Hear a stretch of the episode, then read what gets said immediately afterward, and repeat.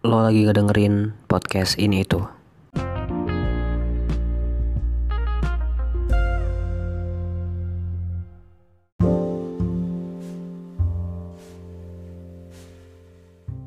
Oke okay guys, uh, are you okay?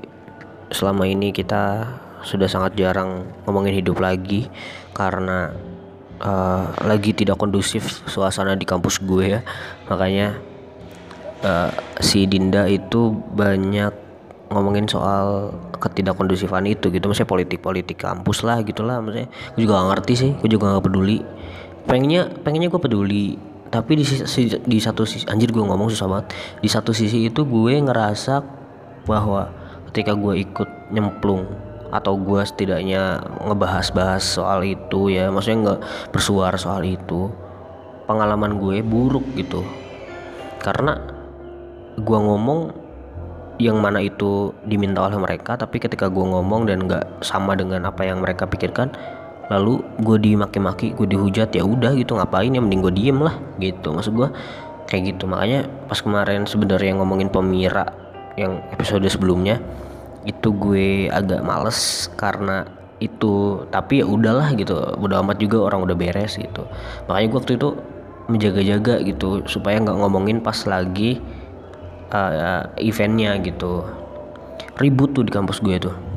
Malu-maluin gitu loh. Ya mungkin gak di kampus gue doang sih banyak di beberapa kampus juga kayak gitu. Sampai baku hantam. Kayak apa ya maksud gue malu-maluin ngapain sih lo gitu?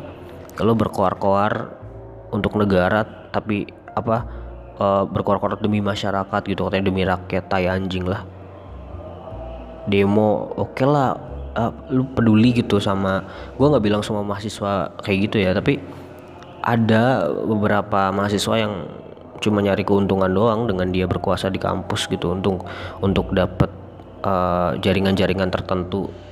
Ya yang menguntungkan kelompoknya mereka gitu. Ya lu apa bedanya sama tikus-tikus negara anjing? Lu kalau misalnya uh, posisinya agak uh, tinggian dikit misalnya lu di DPR juga kemungkinan lu bakal melakukan hal yang sama kayak sekarang gitu. Semuanya tentang tentang kekuasaan semuanya tentang duit dan itu goblok gitu. Ngapain? Udah lo kalau misalnya mau kayak gitu kagok kalau di kampus gitu. Mending lu lu keluar dari kampus lu nyalek aja gitu sekalian segala macem lah. Pokoknya uh, jangan di kampus deh karena anjir itu jadi polusi buat gue. Kayak ruang publik kampus itu ya ruang kampus ruang ruang diskursus kamu jadi rusak gitu gara-gara itu. Masa panitia uh, pemilihan raya itu uh, memihak. Maksudnya ya udah nggak netral dong. Dan gue tahu itu dan itu rahasia umum.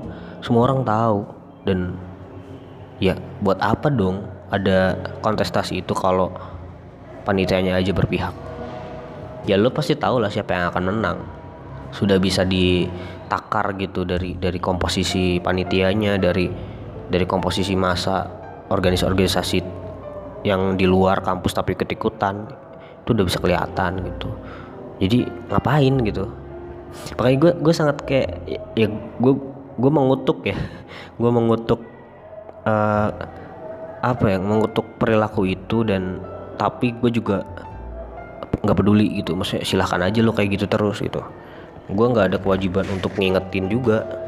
Biarin aja gitu. Uh, karena pengalaman gue buruk gitu anyway udahlah lupain semua itu karena hidup ya cari kedamaian gitu. Jangan cari kerusuhan ngapain? Cari keributan mulu gitu. Apalagi cuma hal sepele kayak di kampus gini. Uh, gue bakal ngomongin apa ya? Tapi uh, sebelum itu ya gue sebelum gue mau ngasih tau lo gue ngomong apa sebenarnya gue tuh banyak uh, apa ya gue tuh punya banyak uh, ide gitu buat gue omongin. Ide itu bagus-bagus tapi sayangnya gue lupa gitu. Maksudnya beberapa hal gue lupa gue harus nyampein apa gitu. Uh, cuma ya udah gitu. Akhirnya ya gue tulis lah gitu. Maksudnya gue tulis apa yang lagi ada di otak gue gitu. Karena sebelumnya gue tuh kayak lupa lupa mulu gitu mau mau nge-record gitu. Uh, karena gue ya banyak kerjaan yang yang apa ya yang bikin gue nunda-nunda ini gitu. Uh, oke okay, gue bakal ngomongin soal kejadian yang ramai akhir-akhir ini di uh, sosial media kita ya. Dari mulai artis pamer saldo ATM sampai hashtag ganjang Malaysia. Oke okay. uh, yang pertama gue bakal ngomongin soal itu. Uh, apa namanya tuh artis pamer saldo ATM buat gue pribadi. Personally gue nggak bermasalah soal itu. Maksudnya gue nggak nggak nggak ngerasa itu uh, masalah karena ya udah gitu. Itu hak dia toh. Dia juga uh, emang punya gitu. Ya setelah dong dia mau pamer. Kecuali kalau pam mamerin hal yang dia nggak punya gitu. Atau dia cuma pura-pura ya ngapain juga gitu. Tapi kalau misalnya pamer dan dia punya ya udah gitu gue sih nggak apa-apa. Cuma lagi-lagi dampaknya adalah mereka public figure gitu. Kalau misalnya motivasinya adalah untuk uh, mengingatkan kepada orang-orang supaya kerja keras kenapa harus saldo ATM yang dipamerin? Kenapa nggak lu bikin apa kayak gitu short film atau nulis buku gitu yang inspiratif buat dibaca sama fans-fansnya gitu? Kenapa harus itu gitu? Dan itu rame banget bukan satu artis dua artis doang beberapa youtuber juga gitu. Dan itu trending di YouTube anehnya tuh. Orang-orang tuh demen banget ya meninggikan hal-hal yang tidak perlu ditinggikan dibesar-besarkan gitu. Uh, dan kalau lu berpendapat gue membesarkan konten itu iya satu sisi. Tapi ya gue ingin membahas dari sudut pandang yang lain gitu. Tidak sekadar uh, apa ya tidak sekadar gue apa sih namanya tuh? Uh, ngomong asal gitu maksudnya ngomong asal tuh kayak yo oh iya gini oh iya gini gitu. Maksudnya kayak komen-komen section di YouTube gitu enggak. Uh, yang pengen gue sampein poinnya adalah bahwa uh, yang salah itu bukan kontennya atau bukan orang yang bikin konten. Ya kalau lu mau ngegoblok-goblokin mereka juga nggak apa-apa. Cuman menurut gue yang salah bukan mereka tapi yang salah lu gitu. Bergantung kepada audiens audiens menanggapinya seperti apa. Gitu lu kan udah pada dewasa udah sering tuh banyak konten-konten goblok kan. Makanya ketika lu nemuin lagi udah kalau misalnya menurut lu nggak perlu ditonton ya nggak usah. Kalau bi cuma bikin lo kesel sih buat apa? Kalau menurut lo itu menghibur ya oke gitu. Gue juga nggak mau ngelarang-larang kok. Itu hak lo gitu. Gue juga nggak bermasalah. Di TV banyak acara alay ya kalau misalnya banyak acara lebay-lebay gitu ya gue nggak bakal nonton TV sesimpel itu gitu dan nggak usah dibikin ribet udah gitu. Lu tuh jangan kebanyakan uh, apa ya marah-marah gitu di medsos segala macam oh ini ini ini ini gitu. Sedangkan lu sendiri kayak gitu gitu. Oh ya soal itu mah gue juga nggak tahu ya kemarin gue sempat lihat di scrolling di Instagram Ando Lopez juga tidak setuju dengan hal itu. Ya gue pun sebenarnya nggak setuju tapi uh, soal pamer pamer itu dengan motivasi atau dengan tujuan untuk memotivasi orang lain gue sih nggak setuju karena banyak hal yang bisa diperlihatkan gitu selain saldo ATM gitu. Mungkin itu cuma sensasi doang sih kalau gue lihat ya. Itu sensasi doang. Uh, mungkin mereka juga nggak lihat pamer ya cuman mereka pinter aja ngelihat algoritma yang lagi rame apa nih gitu. Oh artis pamer saldo ATM ah ah orang oke ah gitu. Ah gue juga ah gitu. Jadi semuanya ikutan. Kan orang orang Indonesia kan memang gitu kan anut grup yuk ya ikut ikutan apa yang lagi rame langsung dibikin. Apa yang lagi viral diikutin gitu. Atau atau ditonton berkali-kali segala macem. Komennya ngehead doang gitu.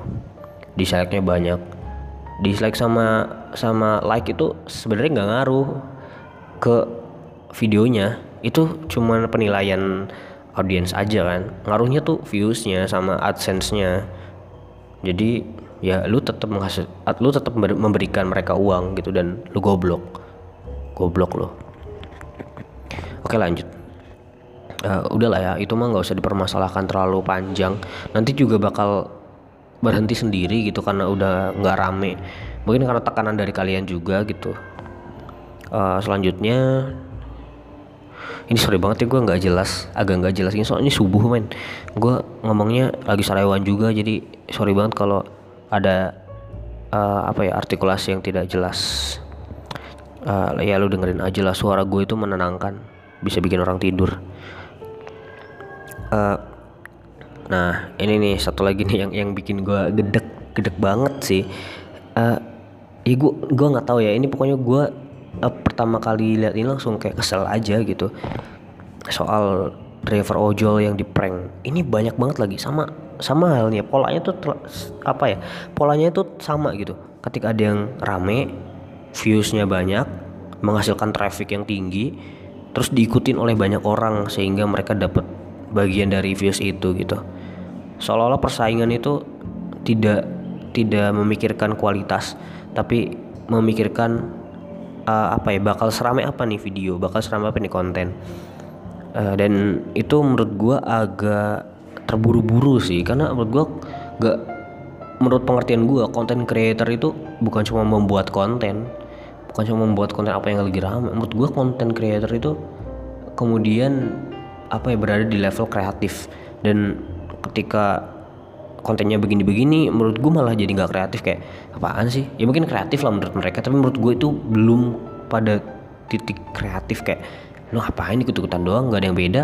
Gitu maksudnya sedikit beda itu kan menurut gue lebih lebih mungkin untuk uh, apa ya menarik perhatian gitu daripada lu bikin konten yang sama tapi lebih baik daripada konten-konten yang lain. Itu ya sama aja orang juga ngeliatnya apa sih sama? Gitu Uh, tapi itu terserah orang ya. Nah ini gue pengen me, apa yang mengkritisi anjing kayak bahasa politis ya. Gue ingin mereview konten-konten tai ini ya.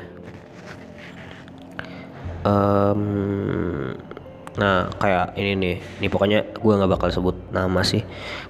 Order makanan sejuta aku cancel. Cewek cantik ini nggak mau tahu. Mas ini nangis. Oh ini judulnya pokoknya ini jadi ceritanya ini di YouTube ya. Ceritanya si mas-masnya ini uh, drivernya ini dapat pesanan gitu order orderan sejuta tapi gede banget kan. Uh, dan si mbak-mbak goblok nih ya mbak-mbak goblok nih nggak ada otak nih. Uh, nggak bayar tuh nggak nggak di, ya dibayar gitu pokoknya segala macem lah.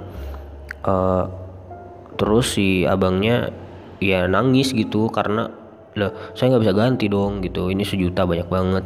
Katanya istri saya lagi hamil. Uh, terus dia bilang ya udah saya pulang aja. Tapi sambil nangis gitu. Maksudnya kayak ya lu gila. Bapak-bapak driver ojek mana dia tahu gitu kalau dia lagi di prank ya kan? Maksudnya uh, dia juga mungkin kayak kesel aja gitu. Anjir nih gue seharian uh, apa ya udah udah kerja gitu.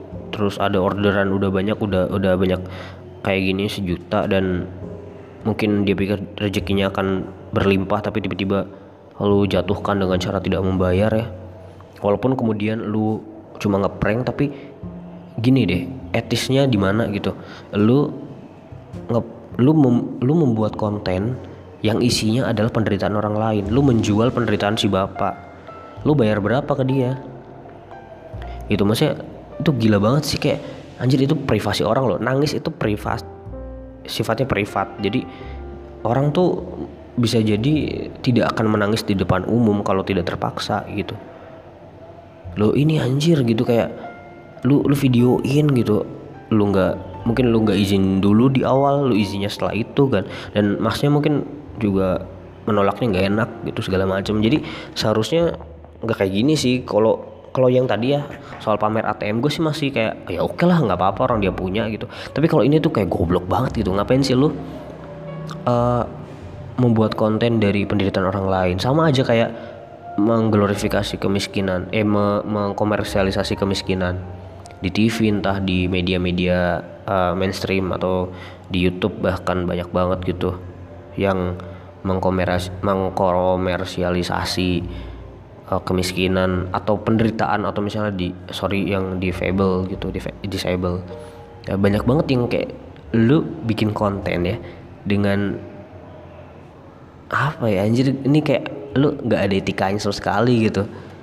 Ya mungkin dia yang jadi objek lu nih si mas-mas ini mas-mas gojek yang jadi objek uh, prank lu gitu ya ya mungkin dia bisa jadi ikhlas gitu. Dia mungkin ya udahlah nggak apa-apa gitu. Atau bahkan ada yang seneng gitu. Itu itu masuk YouTube. Tapi etikanya nggak ada. Gimana kalau suatu saat terjadi dan keadaannya berbeda? Si objek ini nggak terima. Terus tetap anda post tetap anda gitu. Tapi si objeknya nggak ngomong. Ya dia bakal sakit hati lah gitu segala macam. Dia pasti malu. Dia pasti diejekin di tongkrongannya gitu. Lo nggak tahu apa mas mas ojol ini kan punya komunitas gitu. Gimana kalau dia di dicengin sama teman-temannya gitu? Gimana kalau dia dibully sama teman-temannya terus dia nangis balik ke rumah. Nggak punya duit. Terus dia berhenti jadi driver gojek. Gimana gitu?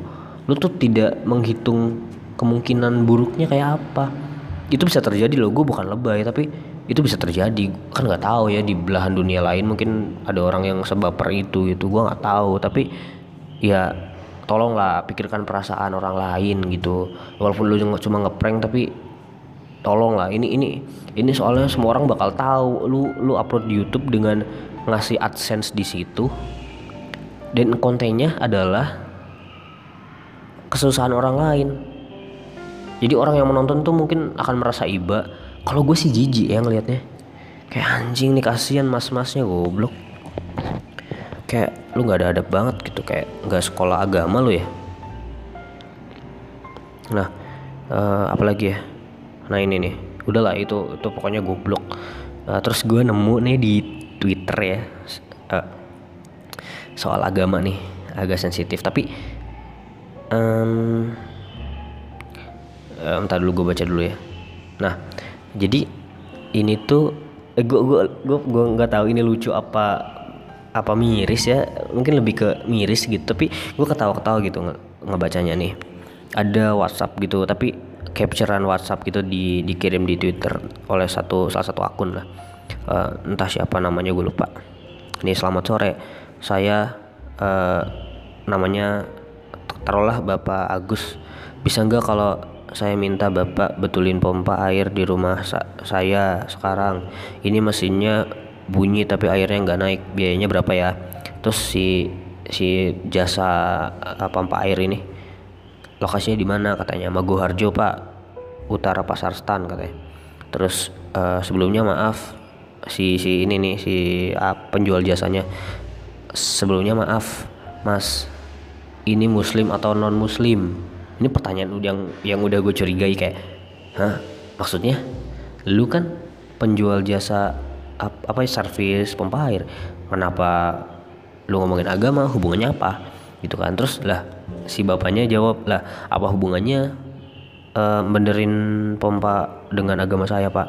Kami hanya melayani yang sesama muslim anjing. Anjing nih orang. Goblok gitu itu duit anjing. Kalau gue mah siapa pun ya bakal gue apa ya hajar aja gitu. Gue sikat aja lumayan duit. Ngapain lu melayani yang sesama muslim aja? Ya, oh mungkin mungkin karena muslim itu mayoritas di Indonesia. Gimana kalau lu hidup di Zimbabwe Selatan gitu atau lu hidup di uh, mana gitu di uh, Irlandia Utara? Gimana kalau hidup di situ kan muslimnya dikit tuh. Lu nggak bakal dapat duit anjing kalau usaha di situ. Untung lo hidup di Indonesia lo nah terus tuh si bapaknya nih jawab nih oh wow katanya.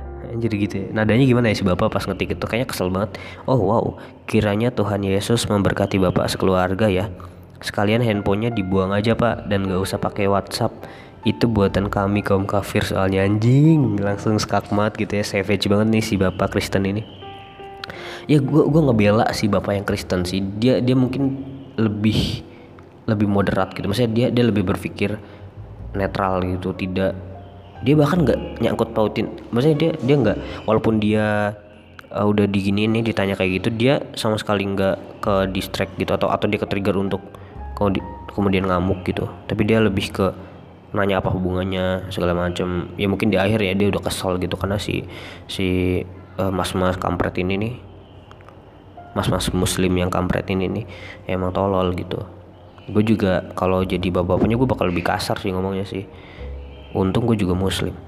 Uh, nah poinnya adalah uh, dalam hidup itu ya lu nggak bisa hidup sendiri yang pasti yang pertama.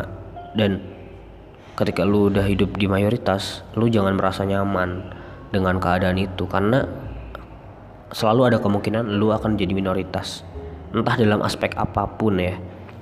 Kok entah itu agama entah itu entah itu preferensi apa gitu. Entah lu yang tadinya anti K-popers tiba-tiba lu di suatu masa lu hidup di tengah-tengah K-popers gitu. Jadi menurut gua kebencian itu ya kebencian kebencian itu jangan sampai tumbuh. Jangan jangan dibiarkan tumbuh. Kalaupun ada cepat-cepat lu matiin. Karena kebencian itu ada akar yang sangat busuk ya. Akar yang bisa membuat lu hancur dengan sendirinya seperti ini. Gue yakin nih mas-mas yang muslim yang norak ini ya yang goblok ini suatu saat bakal apa ya uh, menerima akibatnya gitu. Gue rasa dia bakal dapat pelajaran dari ini gitu. Karena memang nggak ada hubungannya antara pompa air dan uh, agama gitu. Tolonglah apakah ada dalilnya?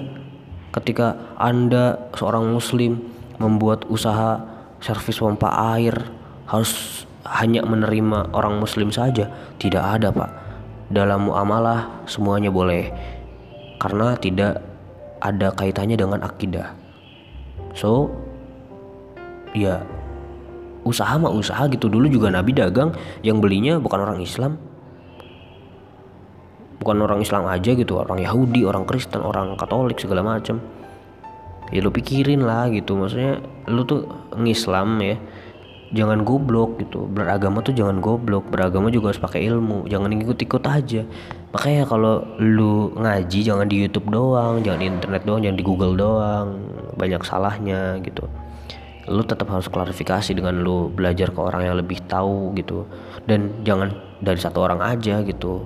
Jadi jangan lu jadi seorang dai dadakan gitu yang baru ngaji semalam tiba-tiba lu menceramahin orang atau tiba-tiba lu mengkafir-kafirkan orang atau tiba-tiba lu menolak saudara sema sekemanusiaan lu gitu. Yang which is semua manusia ini bersaudara gitu. Kita semua keturunan Nabi Adam meskipun kita berbeda-beda gitu. Dan dan lu inget kita hidup di Indonesia bineka tunggal ika. So what gitu? Kenapa lu nggak mau menerima ini. Dan dan lu udah mendapatkan jawaban yang sangat savage ya dari si bapak bapak Kristen ini. Uh, bahkan lu didoakan lo tuh. Dia betapa baiknya ya lu didoakan. Tuhan Yesus memberkati bapak sekeluarga lo dia bilang gitu. Tapi iya sekali lagi dia sangat ini ya uh, sangat sinis ya cynically itu pas di akhir-akhir ini dia sinik sinis banget. Karena mungkin udah kesel dan uh, dia juga ya ini sini apa sarkas ya sini sih lebih ke handphonenya dibuang aja nggak usah pakai WhatsApp. Itu buatan kafir. Ya bener. Kok lu nggak mikir dulu gitu? Harusnya apa ya kalau penemuan Islam? Apa ya? Ya nah, apa gitu lu? Jangan pakai HP gitu pakai apa deh? Semuanya kayaknya susah ya karena banyak penemuan yang ditemukan oleh orang yang bukan muslim.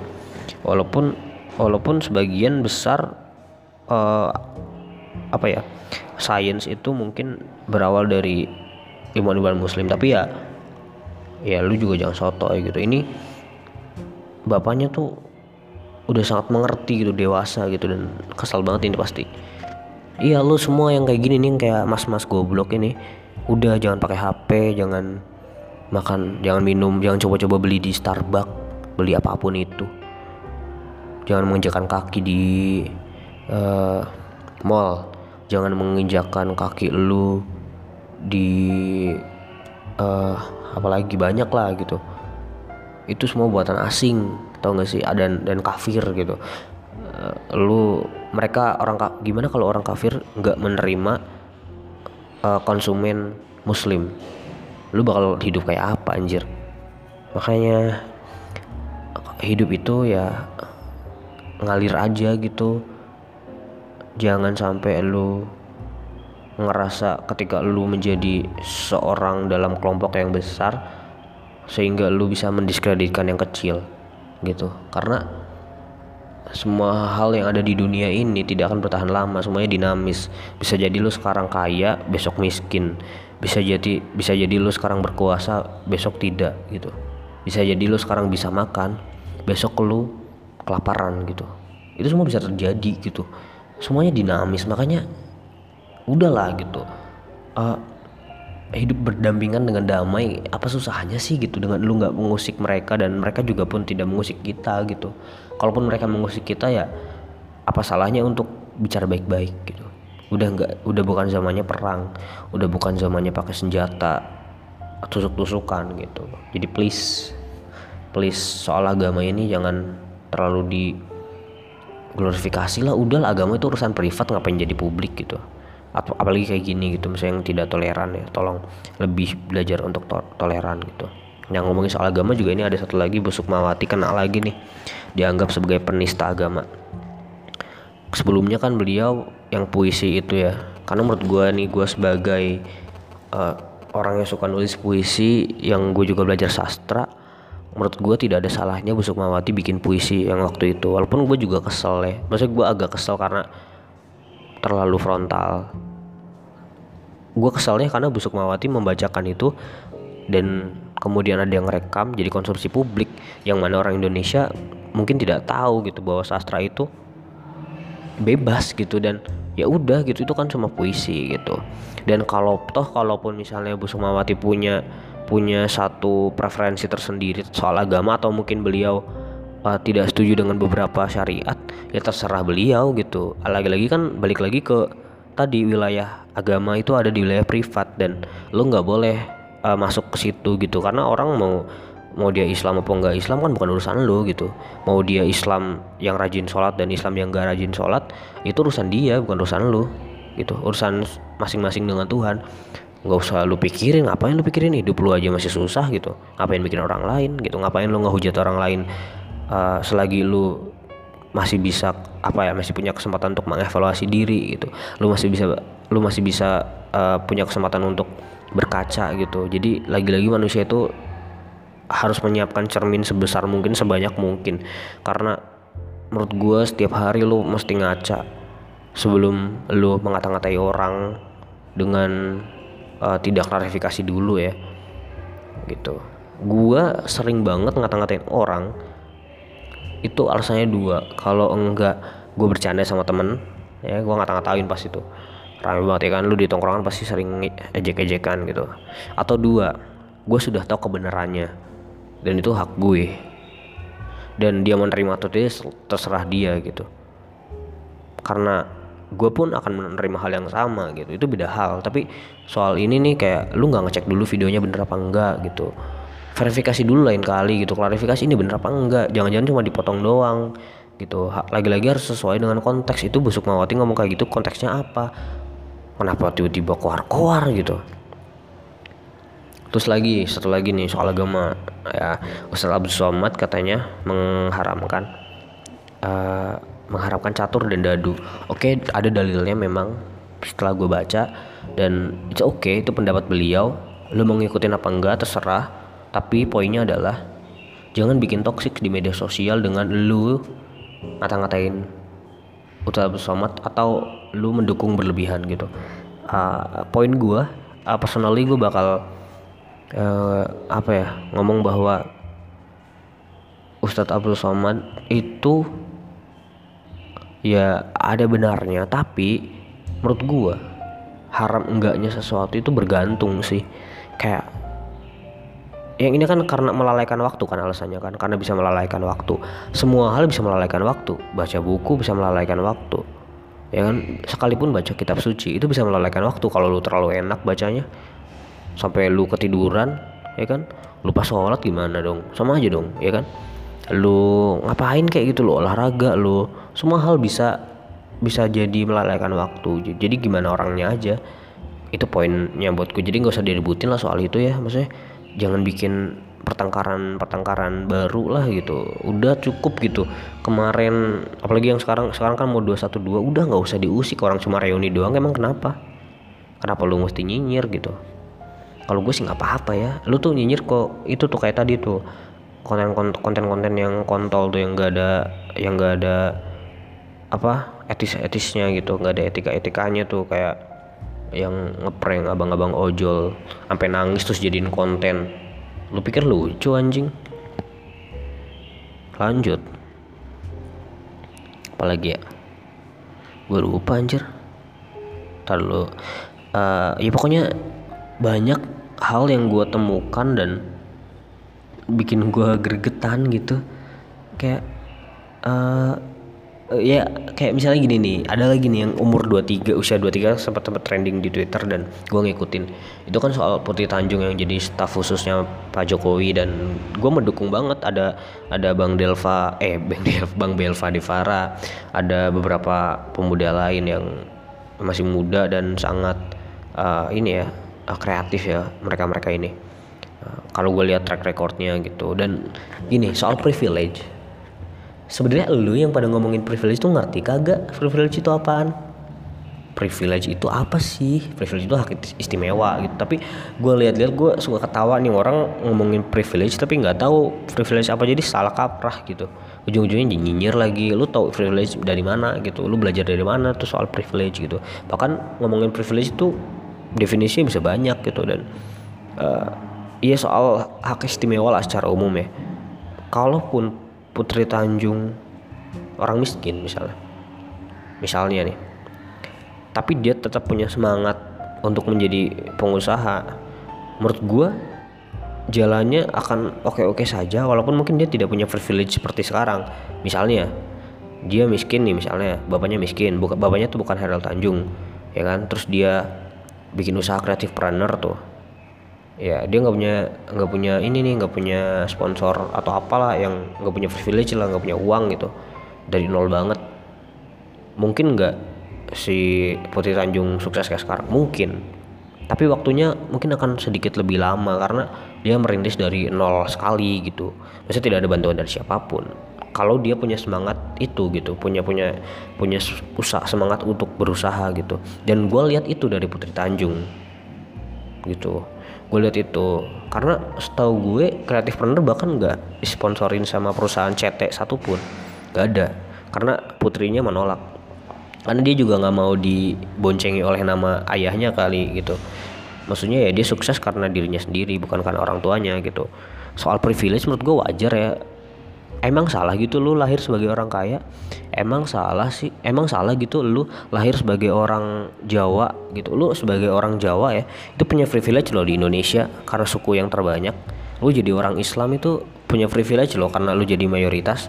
Lu lahir sebagai orang Indonesia lu tuh punya privilege gitu untuk ngomongin soal apa namanya tuh kema kemajemukan gitu. Itu bisa jadi kayak gitu gitu maksudnya uh, lu laki-laki misalnya. Lu sebagai laki lu punya privilege uh, utama. Maksudnya yang yang lebih gitu daripada perempuan. Gue ini bukan seksis ya. Tapi memang ya laki-laki misalnya privilege laki-laki apa sih? Soal fisik misalnya kan? Hak istimewa lah kerja-kerja yang berat nggak mungkin lah nguli ada perempuan yang nguli kecuali dia fisiknya bagus seperti laki-laki gitu. Jadi sebenarnya uh, orang setiap orang itu punya privilege-nya masing-masing bagi gue gitu dan dan kadarnya beda-beda. Jadi lu nggak usah menyalahkan privilege orang lain itu udah udah dari sananya. Terus gimana dong? Misalnya anak presiden. Misal Jan Etes cucunya Jokowi. Kenapa dia beda sama anak-anak lain? Kenapa Gempi beda sama anak-anak lain gitu? Ya karena mereka punya privilege gitu. Orang tuanya orang tuanya kaya gitu. Orang tuanya terkenal segala macem. Jadi mungkin dia hidupnya akan lebih gampang ke depannya it's okay untuk ngomong kayak gitu tapi menurut gua poinnya bukan di privilege gitu. Ya kalau lu mau sukses ya berusaha ngapain ngurusin privilege orang lain? Itu mah udah dari sananya gitu. Dan dan lu tuh ngapain sih gitu ngusik-ngusik kehidupan orang gitu? Kayak wah Putri Tanjung mah bapaknya juga ini. Ya udah biarin aja gitu kenyataannya dia sukses sekarang. Lu mau ngomong apa lu? Lu bisa apa emang? Orang dia kenyataannya sekarang sukses kok. Udahlah gitu maksudnya lu ngomongin privilege tapi gak ngerti gitu. Udah jangan sok-sokan nih jangan sotoy.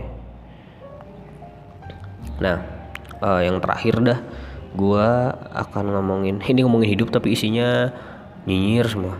Tapi ini yang satu ini ini malu-maluin sih ini gue bakal gue sempet ngebikin story waktu itu soal kerusuhan di Malaysia yang yang dipantik oleh pertandingan pertama ketika di GBK ya. Ini soal bola. Ya lagi-lagi norak-norak ya supporter-supporter kayak gitu baik Indonesia maupun Malaysia ya yang barbar kayak gitu tuh norak buat gue kayak lu hidup di tahun 2000, 2019 menjelang 2020 tapi lu masih kayak gitu kelakuannya. Mau sampai kapan jing? Mau sampai kapan lu anjing-anjingan? Katanya satu rumpun segala macem. Udahlah lu ngapain sih bikin tagar same on you set sadik? Lu malu-maluin tau gak sih tuh orang orang Malaysia pasti di sana yang baca tweet-tweet lu pada itu pasti ketawa-ketawa anjing kalau ngerti. Ini apaan sih orang Indonesia katanya? Baper baperan amat gitu. Cuma urusan bola ngapain lu berantem antar negara? Lu nggak mikirin diplomasi apa? Susah-susah kita damai sama Malaysia dulu gara-gara ganjang Malaysianya Soekarno. Jujur ya gue gue nggak setuju sama ganjang Malaysia segala macam. Semuanya urusan politik gitu. Dan ini gara-gara bola doang lu berantem sama orang-orang dari negara lain dan lu berpikir untuk balas dendam goblok lu. Lu pikir lu anjing gitu. Ngapain gitu? Nggak ada otaknya lu tolol semua lu yang kayak gitu tuh. Lu tuh coba deh berpikir ulang gitu lu pakai otak untuk memahami semua ini bahwa ya lu nggak nggak bisa dong mengeneralisir bahwa semua orang atau semua supporter Malaysia itu barbar dan dan pasti akan apa ya ngejek kita segala macam. Mungkin ada beberapa video yang yang menunjukkan kalau mereka nyiksa orang-orang dari kita dan dan gue nggak tahu itu kebenarannya benar atau tidak tapi gue cenderung ngelihat itu hoax sih. Uh, dan saya sadik juga bilangnya hoax tapi ya gue juga nggak bisa ngeklaim ya. Itu kan klaim dari beliau tapi menurut gue poinnya bukan di situ tapi poinnya adalah gimana lu kemudian menanggapi itu dengan santai aja gitu. Maksud gue gimana ya? Gue nggak tahu sih harus ngomong apa soal ini karena malah jadi pertengkarannya tuh jadi pertengkaran yang meledak gede gitu. Maksudnya ini kan cuma soal bola gitu. Nggak menurut gue nggak ada sangkut pautnya sama harga harga diri bangsa. Nih ya ini yang pada ribut tuh lu semua tuh yang supporter supporter bola. Kayak gitu. Ya ya mungkin wajar kalau lu marah ya. Tapi sebentar aja nggak usah lama-lama nggak usah lu gede-gedein masalahnya. Sampai bikin tagar shame on you shame on you. Lu yang malu-maluin anjing. Ini gue kesel banget karena menurut gue tidak ada yang perlu dibesar-besarkan dari masalah itu. Justru ketika lu ngebahas itu digede-gedein malah jadi makin kompleks masalahnya. Bukan cuma masalah soal bola tapi udah menyangkut udah sangkut pautnya sama pemerintahan gitu uh, ya untung untung aja Jokowi belum ngerespon apa apa udahlah nggak usah pak. Biarin aja gitu. Biarin aja karena eh gue nggak tahu dah. Kayak kayak uh, bodoh aja gitu. Bodoh aja gitu ngapain kamu sampai kemarin pas dibatakan katanya mau balas dendam segala macam udahlah jangan-jangan itu bukan uh, kasual Malaysia yang nyiksa. Jangan-jangan emang orang Malaysia aja iseng-iseng gitu nyari orang Indonesia sweeping. Dan itu kan oknum kalaupun iya terjadi itu kan oknum. Bukan semua orang Malaysia sikapnya kayak gitu. Emang lo mau ketika kerusuhan di GBK waktu itu digeneralisir kalau orang Indonesia semuanya barbar? Kan lo nggak mau juga kan? Lo pasti sakit hati kan? Udah lalu jangan ungkit-ungkit Malaysia kemerdekaannya dikasih giveaway lah sama Inggris. Dapat giveaway dari Inggris atau lo ngebahas soal kita tidak serumpun segala macam atau lo ngebahas soal uh, apa soal dulu pertengkaran Indonesia sama Malaysia. Nggak ada hubungannya ngentot loh. Nggak ada sama sekali. Udahlah tolong tolong ya kalian coba kita semua ya. Ini bukan cuma buat orang Indonesia buat semuanya penikmat bola. Yang lo nikmatin itu ketika di lapangan. Dan ketika selesai semua persaingan itu selesai. Sudah sampai di situ. Kedewasaan itu perlu penting sekali gitu. Dan ketika terjadi begitu ya tanggapan lu gitu reaksi lu ya jangan terlalu reaktif lah. Lu harus berpikir jernih dulu gitu ini bener apa enggak? Dipastiin dulu. Kalau nggak bener misalnya uh, ya ya udah gitu. Kalau misalnya iya bener ya lu masih punya banyak cara cara untuk apa ya untuk menyelesaikan masalah itu gitu. Apa gunanya mulut? Apa gunanya otak gitu. Udah bukan zamannya baku hantam. Sekarang diskusi gitu. Omongin baik-baik. Bicarain baik-baik. Gimana baiknya? Apa masalahnya? Selesaikan bareng-bareng. Apa susahnya kayak gitu? Damai kan jadinya. Enak kan? Lu nggak usah pusing-pusing nyari alat-alat untuk uh, ngegebukin mereka. Lu nggak usah pusing-pusing beli flare mahal-mahal buat lempar-lemparan di stadion. Nggak perlu lu cuma butuh modal otak sama otak yang dingin sama sama cara bicara gitu yang baik gitu. Lu bicara lah. Kalau bisa berdebat berdebat lah nggak apa-apa gitu. Asal masalahnya selesai di situ. Jangan malah digede-gedein. Gitu sih. Itu itu poin gua. Itu jadi ini ini semua ocehan gitu. Ini kekesalan gue yang udah dikumpulin dari kapan tahu. Gue udah ini kerasukan setan gitu nah, tadinya gue pengen yang fun-fun aja nggak bahasnya tapi ini gue lagi kesel aja. Tapi di next episode gue janji gue akan lebih ya, ngebahas yang lagi lucu-lucu aja gitu di di media sosial. Uh, itu aja sih dari gue gue cuma pengen ngoceh gitu. Gue pengen dengerin sama lu. Sorry banget kalau tadi gue kelepasan ya. Ngomongnya kasar sorry banget. Emang gue bukan makhluk halus ya. Ini gue dia, diajarin ayah bidi baik. Ya yeah. Itu sih dari gue dan uh, I hope you guys like it. Dan lu uh, ngambil yang baik-baiknya yang buruk-buruknya dari gue tinggalin aja nggak usah dibawa-bawa. Biarin itu di gua dan gua mencoba untuk memperbaiki. Kalau lu punya saran lu kirim di email ke email aja atau bisa DM gue langsung gitu. Komplain kalian sangat berarti buat buat podcast ini. Oke okay, so uh, bye